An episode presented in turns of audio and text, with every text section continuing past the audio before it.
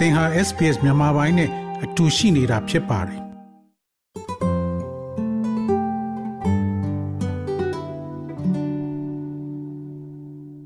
သောရရှိများယနေ့တင်ဆက်ပေးမှာတော့ November လ6ရက်တနင်္လာနေ့အတွက် SPS Newsflash သတင်းများပဲဖြစ်ပါတယ်ကျွန်တော်က Deborah Ong ပါယနေ့အတွက်ထိတ်တန့်သတင်းများ Melbourne Cup Australia ရဲ့အထင်ရှားဆုံးနှစ်ပတ်လည်မြင်းပြိုင်ပွဲ မဲလ်ဘန်မြို့မှပြည်သူများသည် အများသူငါအားလပ်ရက်ကိုပျော်ရွှင်စွာ ဖြတ်သန်းတဲ့အခါနိုဝင်ဘာလရဲ့ပထမဆုံးအင်္ဂါနေ့ရဲ့မြင်းပြိုင်ပွဲအတွက်ပွဲလမ်းအခမ်းအနားကိုနှစ်သက်ကြပါတယ်။ဒါပေမဲ့တရိษံစောင့်ရှောက်ရေးလှုပ်ရှားသူတွေကဒီပြိုင်ပွဲကိုမုန်းတီးကြပါတယ်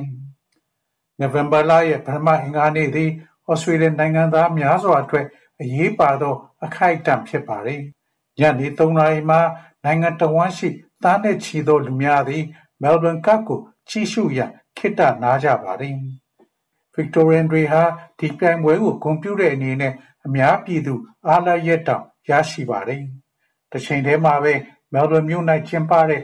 အခမ်းအနားအပြင်ဘက်မှာ ဆန္ဒပြသူများသည်မြင်းပြိုင်ခြင်းကိုစန့်ကျင်သည့် လှုပ်ရှားမှုများ ပြုလုပ်ခဲ့ကြပါတယ်။ပြိုင်မြင်းများ ကာကွယ်ရေးညွန့်ပေါင်းအဖွဲ့မှ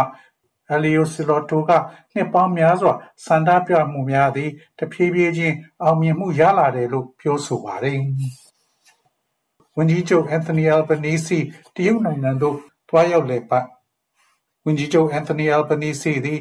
Pacific ဖြတ်ကျော်လွတ်လပ်သောကုန်သွယ်မှုသဘောတူညီချက်တွင်ပါဝင်ရန်တရုတ်ရဲ့တွန်းအားပေးမှုကို ထောက်ခံမည်မဟုတ်ကြောင်းနဲ့ဆက်ဆံရေးတည်ငြိမ်စေရန်ဘေဂျင်းကအိမ်ရှင်ဖြစ် လက်ခံကျင်းပမှာဖြစ်ပါတယ်။တရုတ်သမ္မတဇီဂျင်ပင်းသည်ပစိဖိတ်ဖြတ်ကျော်မိတ်ဖက်ဆက်ဆံရေး၁၂နိုင်ငံဘက်စုံတိုးတက်သောသဘောတူညီချက်တွင် ပါဝင်ရန်ဩစတြေးလျနိုင်ငံကိုကြိုးပမ်းမှုတွင်ဩစတြေးလျဝန်ကြီးချုပ်အားထောက်ခံရန်စီယုံမယ်လို့သိရှိရပါတယ်။ Pacific ဖြတ်ကျော်ကုန်သွယ်ရေးအဖွဲ့တွင် ပါဝင်ရန်၎င်းရဲ့လျှောက်ထားမှုသည်နှစ်နိုင်ငံကြားစီးပွားရေးပူးပေါင်းဆောင်ရွက်မှု အဆင့်မြှင့်ရန်အရေးကြီးတယ်လို့ဘေဂျင်းကယုံကြည်နေပါတယ်။သို့သောမစ္စတာအယ်ဘနီစီသည်အစုအဖွဲ့ရဲ့ဝင်ခွင့်အတွက်အမြင့်ဆုံးစံနှုန်းများရှိကြောင်းဩစတြေးလျရဲ့ရည်တည်ချက်ကိုထပ်မံတည်ပြုရန်မျှော်လင့်ထားပြီးနိုင်ငံသစ်များဝင်ရောက်ခွင့်ပြုရန်အဖွဲ့ဝင်နိုင်ငံများရဲ့တညီတညွတ်ထဲထောက်ခံမှုကိုလိုအပ်မှာဖြစ်ပါတယ်။ဒီပေါ်နိုင်ငံငလျင်လှုပ်ခတ်မှုဒီပေါ်ငလျင်လှုပ်ခတ်ပြီးနောက် လူအသေအပျောက်များသောငလျင်ကြောင့်ရှာဖွေကယ်ဆယ်ရေးတွင်ကူညီရန်ရဟတ်ယာဉ်များနှင့်လုံခြုံရေးတပ်ဖွဲ့များဖြန့်ကျက်ထားတယ်လို့သိရပါတယ်။ပြင်းအား5.6အဆင့်ရှိငလျင်သည်နီပေါနိုင်ငံရဲ့အဝေးတနေရာ၌လှုပ်ခတ်သွားခဲ့ပြီးငလျင်ဗဟိုချက်မှကီလိုမီတာ900နီးပါးဝေးသောအိန္ဒိယနိုင်ငံမြို့တော်နယူးဒေလီထိရိုက်ခတ်ခဲ့ပါတယ်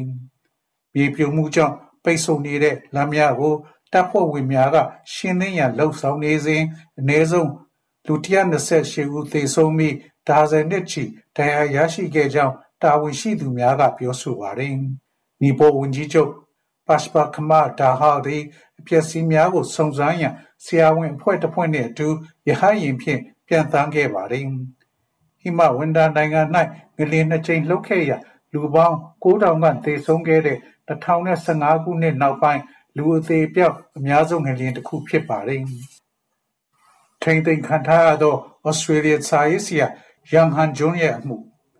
ဝန်ကြီးချုပ်အန်သိုနီအယ်ဘနီစီသည်နိုဝင်ဘာလ၄ရက်ကဘေဂျင်းမြို့တော်သို့သွားရောက်ခဲ့ပြီးခုနှစ်နှစ်အတွင်းတရုတ်နိုင်ငံသို့ပထမဆုံးလာရောက်လည်ပတ်တဲ့ဩစတြေးလျဝန်ကြီးချုပ်လည်းဖြစ်လာခဲ့ပါတယ်။သုံးရက်ကြာတရားဝင်ခရီးစဉ်တွင်အဖမ်းခံထားရတဲ့ဩစတြေးလျစာရေးဆရာယန်ဟန်ဂျွန်းရဲ့အမှုကို ဖြေရှင်းရန်တရုတ်အစိုးရအားဖိအားပေးမယ်လို့မစ္စတာအယ်ဘနီစီကအတည်ပြုပြောဆိုပါတယ်။ဒေါက်တာယန်ကို2019ခုနှစ်တွင်တရုတ်အာဏာပိုင်များကထိန်းသိမ်းခဲ့ပြီးတရှိုဆွဲချက်များနဲ့ရင်ဆိုင်နေရပြီး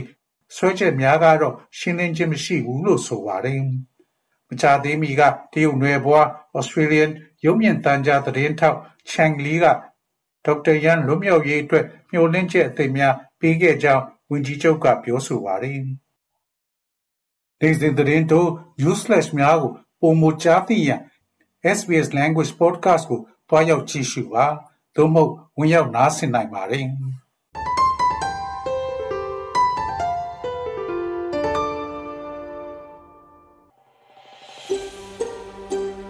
ဒါမျိုးသတင်းဆောင်မာတွေကို ပိုနားဆင်လိုပါလား Apple Podcast Google Podcast Spotify တို့မှာသင်ပင်ရာဖြစ်ဖြစ်ရယူတဲ့ podcast ကနေပါ